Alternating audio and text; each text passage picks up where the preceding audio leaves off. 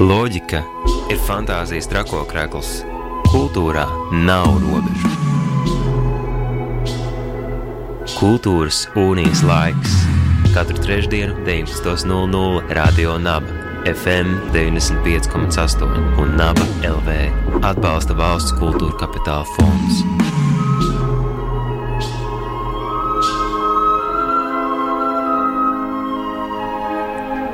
Esiet sveicināti, darbie radioklausītāji! Ir trešdienas vakars un laiks kultūras un īslaikam.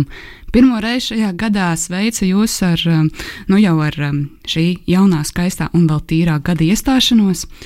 Sniegu mēs knapi, knapi esam piedzīvojuši, bet uh, tas, ka mūsu šo gadu pārāk baltu un skaistu vēl neiezīmē, bet šī gadu mija, gas, um, gadu desmišu mija iezīmē vēl tādu tēmu, kas liek mums gribot vai negribot palūkoties nākotnē. Un jau tradicionāli arī šī gadu nomaiņa ir bijis tas laiks, kad mēs dodamies pie zilniecēm, virtuālām vai reālām, un lūkojam, ko nozīmē tās zīmes, kas mums varētu parādīties tuvākā un tālākā nākotnē. Arī šajā raidījumā mēs aplūkosim tādu kā tēmu, ievadu cauri abām šīm mūsu šī vakara sarunām par nākotnes konstrukcijām mākslā. Un pirmā saruna mūs uh, aizvedīs uz izstādi, izstādi, kur ir vērojama izstāžu zālē arsenāls jau no pagājušā gada beigām, decembra vidus, un būs vēl kāda laika aplūkojama. Nākotnes konstrukcijas, jeb nenorunātās tikšanās, ko piedāvā Latvijas laikmatīgās mākslas centrs, un jau pēc muzikāla ievada Mēs sarunāsimies ar vienu no šīs izstādes kuratoriem, Ingu Lāci, bet šobrīd lai skan kāda mazliet varbūt pat futūristiska kompozīcija no Waterflower vai jeb Sabīnes Mores. Radio Nabērā raidījums Kultūras unijas laiks, un šī vakara mūsu sarunu temats ir nākotne un nākotnes raudzīšanās caur mākslas perspektīvu.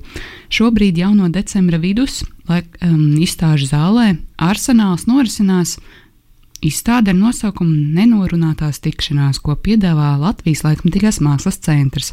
Viena no šīs izstādes kuratoriem Inga Lāca šobrīd ir pie mums Rādienāba studijā, un šī izstāde, nu pāris vārdos tā tā, savalkot visu kopā, kas tad ir šī izstāde. Tā ir tāda kā ielūkošanās pagājušā gadsimta otrās puses mākslinieku interpretācijās par to, kas tad ir nākotne, kas ir zinātniskā fantastika un kā tas eh, viss um, mums toreiz izskatījās un kā tas izskatās šobrīd. Sveika, labvakar, Inga! Labvakar! Um, pamazām, pamazām pieteicu šo te, uh, mūsu šī vakara sarunu tematu, bet uh, Kas jūsuprāt, eh, kas ir šī izstāde Latvijas laikmatīgās centra tādā kā skatījumā, kas bija tas, ko jūs veidojot šo izstādi vēlējāties parādīt un pateikt? Nu jā, eh, sākot eh, domāt par izstādi, tas jau būtībā sākās kādus divus gadus atpakaļ kad uh, likās, ka būtībā zinātniskās fantastikas cienīgi scenāriji ienāk mūsu ikdienā viens pēc otra, gan sākot ar uh, Trumpa ievēlēšanu, gan uh, Brexit jau sāka tuvoties tajā laikā.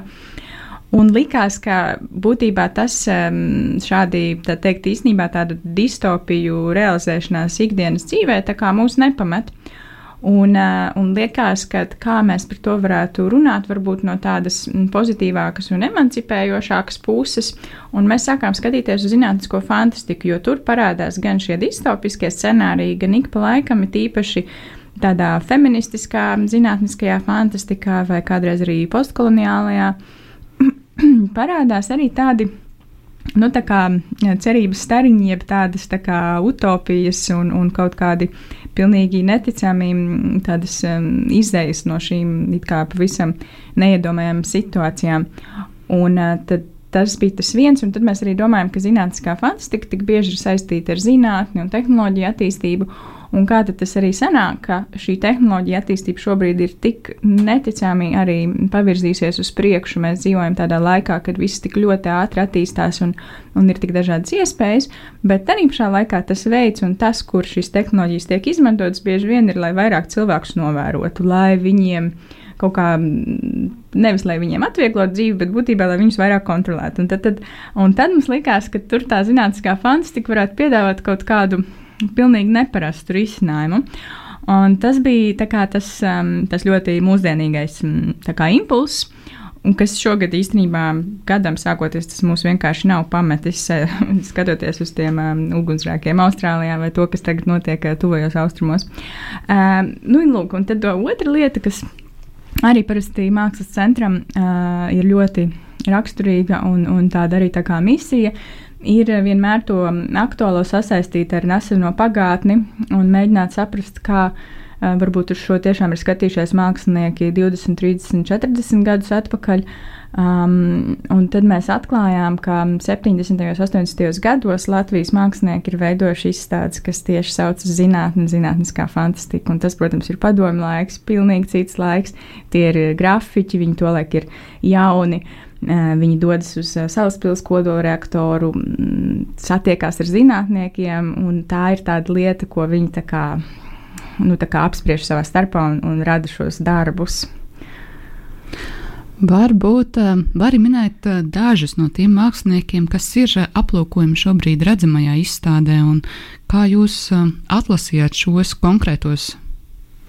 Nu jā, piemēram, es gribētu noteikti minēt, mums ir nu, vairāki latviešu mākslinieki, Un, teiksim, tāds um, viens no tiem darbiem, kas kaut kādā ziņā ļoti labi izsaka to izstādes ideju, ir uh, mākslinieces Ievas Balodas um, instalācija un video darbs um, pasūtījums, viņa tur mēģina kā, parādīt, kā vēsturi varētu rakstīt no sievietes pozīcijām. Nu, teiksim, um, veidojot tādu mm, zinātniskās fantastikas stilā filmu, uh, kur, kur, kur, kur šīs sievietes tur saņem pasūtījumā grāmatu, kur, kur tiešām arī ir minētas, teiksim, bieži vien kā, nepamanītas um, sieviešu jā, dzimuma varonas, tāpēc, ka joprojām tā sabiedrība ir ļoti patriarchāla, nu, gan šodienā, kad, protams, jau ir viss kaut kas ļoti mainījies, gan nu, pagātnē vēl jau vairāk.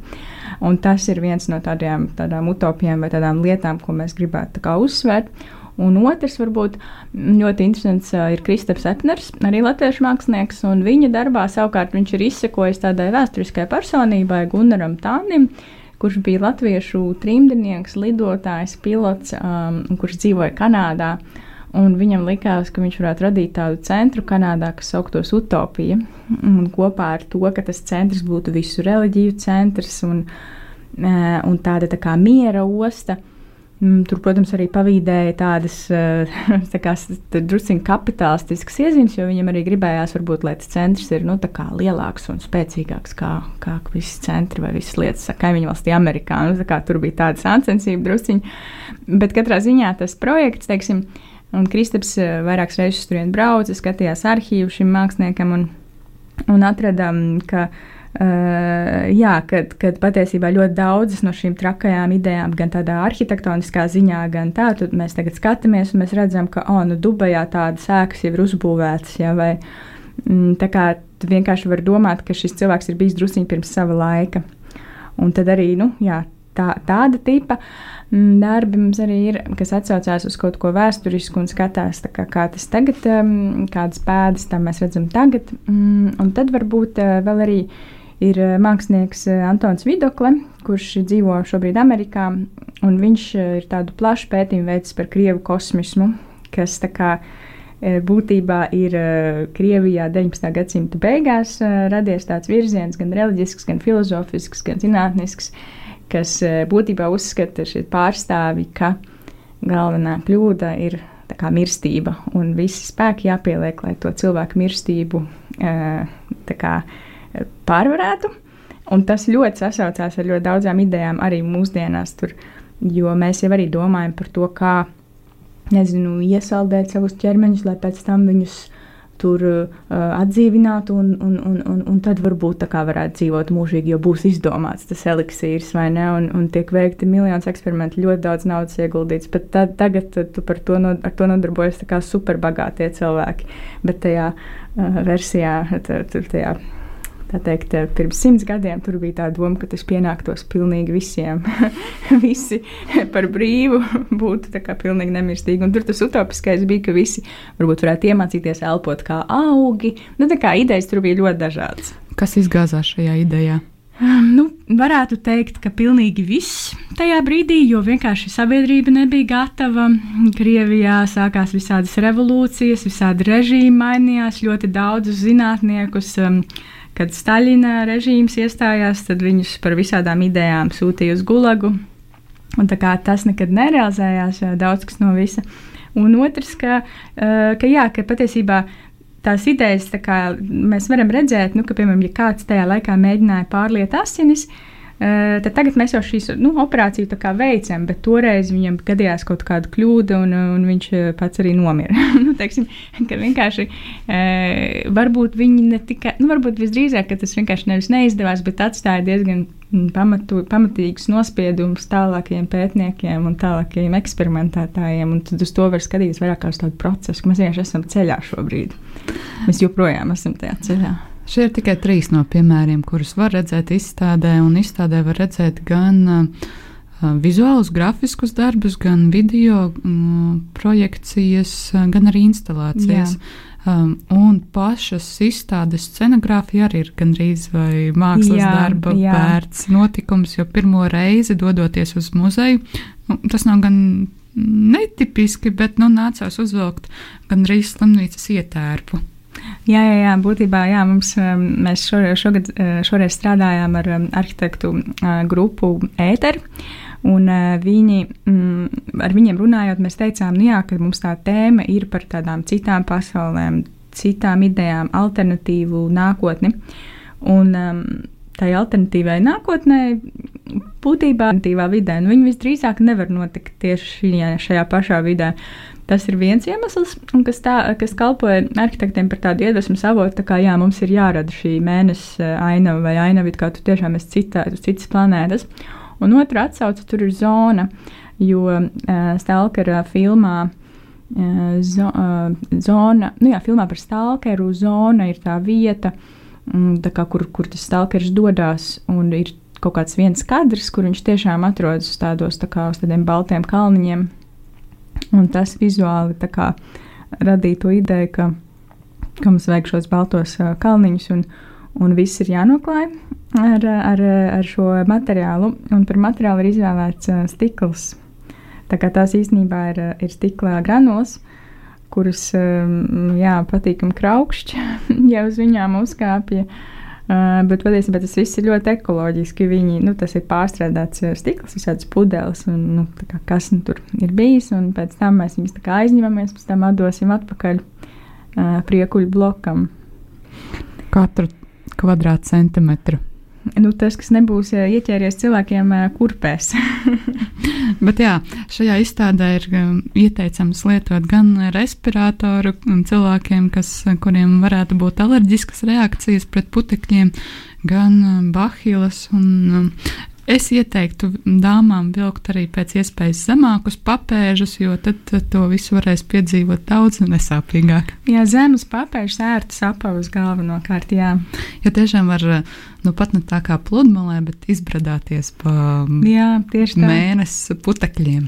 Tieši tā, un šobrīd būtībā man liekas, ka putekļi tiešām sacēlās tad, kad bija atklāšana un atnāca tur vairāk simti cilvēku, un šobrīd būtībā tā izstāde, kad viņi ir tik mierīgi un tur atrodas nu, nepārāk daudz cilvēku vienā laikā. Patiesībā tas gaiss ir arī tik tīrs, kā, kā tu atrastos kaut kādas citas planētas. Viss ļoti. Ja viena uz citas planētas būtu gaiss. Cerams. Bet runājot par pašu izstādi, šī izstāde, vai vismaz daļa no tās izstādes, pirms tā tika izrādīta Rīgā un tiek izrādīta Rīgā, bija arī redzama kādā citā valstī. Um, Kopenhāgenā tā bija redzama ar nosaukumu Kosmiskā eksistence, un pavisam, pavisam arī nesen, līdz pat oktobra beigām, tā, šajā vietā mītošie un ceļojošie cilvēki, kam patīk māksla, varēja redzēt to. Kādas, kāds ir stāsts par šo valsti un šo vietu, kur tika izrādīta daļa no šīs izstādes, un cik ļoti tā atšķīrās no šobrīd pie mums redzētās? Mm, nu, jā, Kopenhāgenā tā izstāde bija būtībā abās vietās. Izstāde radās ar to domu, ka tas būs tāds sadarbības projekts. Mēs sadarbojamies ar Denfrī Mākslas institūciju, un mums abiem tā tēma tieši tajā aktuālajā kontekstā likās ļoti interesanta un svarīga. Um, un tad mēs runājam par to vēsturisko daļu, un mēs teicām, jā, ka mums Latvijā ir šī vēsturiskā arī atsauce un šīs izstādes, kur, kurās piedalījās uh, grafiķi padomju laikā. Un padomju savienībā vispār zinātniskā fantastika bija ļoti kā, atbalstīts žanrs, lai gan, protams, to arī cenzēja un visu jau nepārtulkoja, bet nu, ļoti daudz tulkoja un visi lasīja ļoti daudz. Uh, bet savukārt Dānijā mm, viņi kā, tie partneri, kuratori, viņi kā, neatklāja, vai viņi teica, ka, nu, nē, ka, ka tā vēsturiski īsti nevar šādu kā, kaut kādu piemēru minēt, kas tā spilgti to raksturotu. Tad koncentrēsimies vairāk uz tiem laikmatīgiem māksliniekiem. Un tad patiesībā tas, kas bija Dānijā, tā kosmiskā eksistence, tas bija ļoti daudz.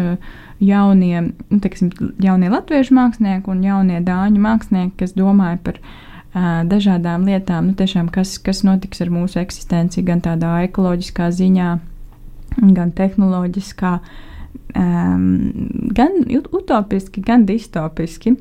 Un, um, un tā izstāde īstenībā tik ļoti labi novērtēta. Mums bija ļoti daudz recenzijas pārsvarā dāņu valodā. Kur, kur, kur tiešām likās, jā, ka, ka, ka kritiķi ir arī sapratuši un priecājās par izstādi. Mm, vai šī izstāde turpinās arī kaut kādus ceļus un neceļus um, šajā vai pa paralēlajā pasaulē?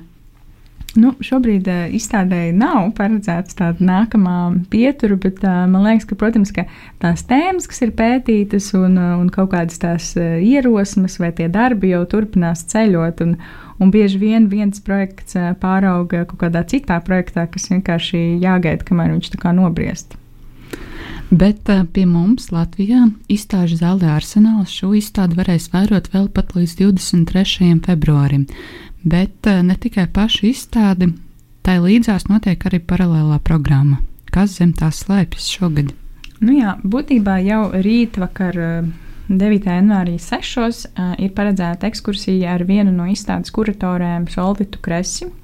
Tā kā, ja gribās dzirdēt to stāstījumu, tad noteikti jānāk. Um, un tad jau 23. janvārī mēs arī sāksim sešos ar ekskursiju, un tad septiņos turpināsim ar um, zinātniskās dzējas performanci, kas ir tāds pilnīgi jauns formāts, ko dzēnieces uh, Jeļena Glazova, Elīna Bākula un Ieviesa Vigula ir uh, radījušas un turpina radīt speciāli šim projektam. Tad, tad tas būs nu, audio-vizuāls tāds piedzīvojums. Uh, mums būs tā, kā, nu jā, tā viena no sarunām, par ko mēs runājam, arī kad eh, zinātniskā fantastika, teiksim, tādā Latvijas kontekstā bija ļoti tāda maskulīna un ka nebija tās rakstnieces eh, sievietes daudz un tā, un tad mēs domājam, nu, ka ja tā ir tā dzēja saistībā ar zinātni un fantastiku un zinātnisko fantastiku, tad mums uh, varbūt vajadzētu to feministisko pozīciju kaut kā Bet, protams, es domāju, ka nu, beig beigās tas arī būs vizuāli ļoti, ļoti krāšņs um, priekšnesums vai performance, jo Jeļena Glazova, protams, ir pazīstama arī kā mūziķa un dīdžejs. Tā. Un, nu, tas ir tāds viens notikums. Mums paredzēts arī notikums, kur mēs satiksimies un runāsimies ar māksliniekiem, kuri īstenībā inicijēja un piedalījās tajās uh, izstādēs 75. līdz 82. gadā. Teiksim, ir grafiķis Māra Rikmane un, un Māja Dragūne, Ivars Poikāns un Inārs Helmuts. Viņus mēs mēģināsim intervēt un, un, un izjautāt, lai saprastu, nu, kāds bija tas konteksts, jo viņi ir ļoti dažādi. Uh, Daži no viņiem saka, ka nē, nu, padomju savienībā mēs visu varējām, mums vienkārši interesēja tā zinātniskā fantastika, un tad ir citi, kas saka, nu nē, tas bija arī tāds, tāda teritorija, kur varēja brīvāk eksperimentēt ar abstraktām formām un, un kaut kā nebūt zem tā radara tieši cenzūras. Tā kā tādas tēmas apspriedīsim. Un arī par to, nu, kā, vai viņiem tā interese tā patiešām bija, vai varbūt tas bija vairāk tā, ka Padomju Savienība tiešām ļoti propagandēja ka, ka, ka visiem ir jārunā par zinātni un, un attīstību, lai gan patiesībā ekonomika stagnēja. Un jautājums, nu, kā, vai, vai mākslinieki to apzinājās vai nē. Un bieži vien arī īstenībā mākslinieki darbos parādījās to tāda ekoloģiska kritika, ka domājot, ka viss tā, tā smagā tehnoloģija un, un mēs jau tur laižam to cilvēku uz mēnesi un visu kaut ko darām, bet nu, ko mēs izdarām dabai? Nu, tā. Jā, un tad parādījās visas tās padomju savienības slepenās zinātņu vietas un tām blakus ešo, esošie ciemi, un tad tur aug arī visādas dīvainas lietas. Bet šī programma ir tādiem nu, lielākiem bērniem. Jā. Jā, bet mūsu nākotnē, jā, tieši tā, jo, ja mēs runājam par alternatīvām nākotnēm un nākotnes scenārijiem, un mēs gribam vispār kaut ko mainīt, tad tiešām e, jāstrādā ar bērniem, ja? jāsāk jau agrā vecumā. Un mums ir e, ļoti uh, aktīvas tās bērnu programmas, un ir paredzētas vēl divas darbnīcas 19. janvārī. Uh, pa dienu būs darbnīca uh, ar ievu Melngalvi rakstnieci, un tā ir tāda par to tādu stāstu rakstīšanu, jo patiesībā, nu jā, fantastika, uh, tas ir par iztēli un to galvenos, to, to atbrīvošanos un, un, un, un spēju iztēloties. Un, ja tu to spēj iztēloties, tad visdrīzāk tas arī var notikt. Tad mums vienkārši vajag paplest iztēli. Vai tā būs bērniem, varbūt pat kopā ar vecākiem, iespēja uzrakstīt savu zinātniskās fantastikas romānu? Jā, jā, jā tieši tā. Tas ir tāds desmit plus gadu vecumam. Un, nu, jā, tas ir nu, īstāsts, teiksim tā mazu romāniņu. bet, uh, bet ir vēl viena lieta, kas ir 9. februārī, un tas ir atkal mazākiem bērniem, tātad no 3 gadu, no 3 gadu vecuma, kur mākslinieca uh, um, Gundaga Evelone un mūziķa Gundaga Graudiņa taisa um, robotu dienu. Un tajā robotu dienā varēs veidot marsmobīļus, kas būtībā ir tādi kustīgi roboti. Uh, tas, man liekas, uh, arī. Nu, es domāju, ka tie materiāli arī būs tādi ekoloģiski, vai ne? Tā kā otrais izmantojumi. Kā, es, es domāju, ka varētu būt ļoti interesanti gan tās diskusijas, kas ros, ro, raisās viņus veidojot, gan arī, nu, protams, tas pats rezultāts, ka tu pats uztaisi savu robotu. Nu, es domāju, tas ir kaut kas. Jā, nu, izklausās tā, ka tas būtu interesanti arī ne tikai 10 plus līdz uh, 20, bet uh, visa vecuma jauniešiem. jā, jā, jā, tur var. Pamazām noslēdzot arī mūsu sarunu, kas bija piemēram tavs tāds vislielākais atklājums, veidojot šo izstādi? E, nu, man patiesībā ļoti, ļoti interesanti bija strādāt ar to uh, vēsturisko materiālu, gan nu, teiksim, vairāk iedziļināties tādu mākslinieku daļradē kā, kā gleznotāja Zenta Logina, kura patiesībā par, ar kosmosu un tādām tēmām sāk nodarboties aizejot pensijā un vienā brīdī tikai domājot par kosmosu un tikai radot darbus ar kosmosu. Un man likās, ka wow, nu tas ir tik interesanti, kā tas notiek. Nu, vai arī tie citi grafiķi tā laika. Uh, teiksim, dzīve aizsargāja, ka no vienas puses mēs esam kaut kā pieraduši skatīties, nu, jā, viņa nu, tā kā taisa tādas saulītes un ainavas, un tur ir kaut kāda folklora un daba.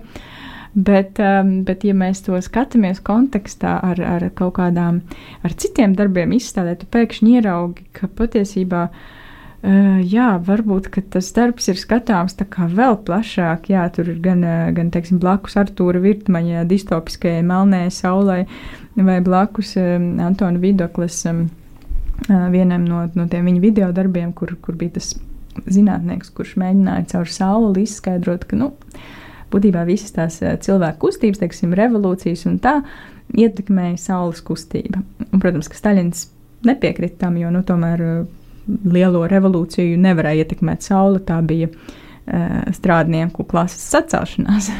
tā, tā bija viņa jā, interpretācija, bet, bet arī pašā laikā, uh, nu jā, tiešām zinot šo tādu zinātnisko perspektīvu tajā laikā, uh, kaut kā tu uzreiz to darbu, vai ne, ar to ļoti dinamisko sauli lasi ne tikai tajā Latvijas folkloras kaut kādā kontekstā, protams, arī nu, nodarboties ar Latvijas kaut kādu folkloru vai vispār kaut kādiem folkloras motīviem, jau arī padomju savienībā, nu, tas, tas jau arī bija pietiekami revolucionāri, bet, nu, varbūt jā, ka tas ir tie jaunie lasījumi un, un tieši tajā dialogā, kur ir tie mākslinieki no dažādiem laikiem, atklājās kaut kādas ļoti mūsdienīgas tēmas.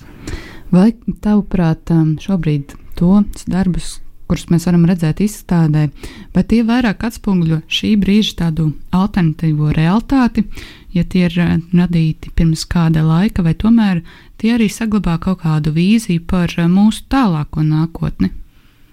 Mm, nu, manuprāt, jā, gan, gan utopisku, gan distopisku, bet viņi e, glabā to vīziju. Jo man liekas, ka nu, tās vīzijas viņas bieži vien nenoveco un nav tik ļoti, nu, kaut, kaut kādā ziņā noveco, jo kaut kas jau piepildās un tev liekas, ah, šito mēs esam sasnieguši gandrīz vai tā, bet kaut kādas lietas joprojām uh, ir utopiskas.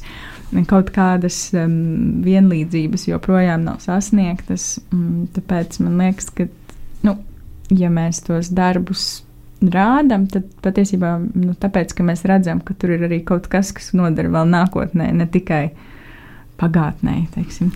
Nu, tad uh, mēs visi, kas vēl vēlamies saprast, kāda būs mūsu nākotne, varbūt tā nākotne, kuru mēs piedzīvosim, vai tā nākotne, kuru mēs diemžēl vairs nepiedzīvosim.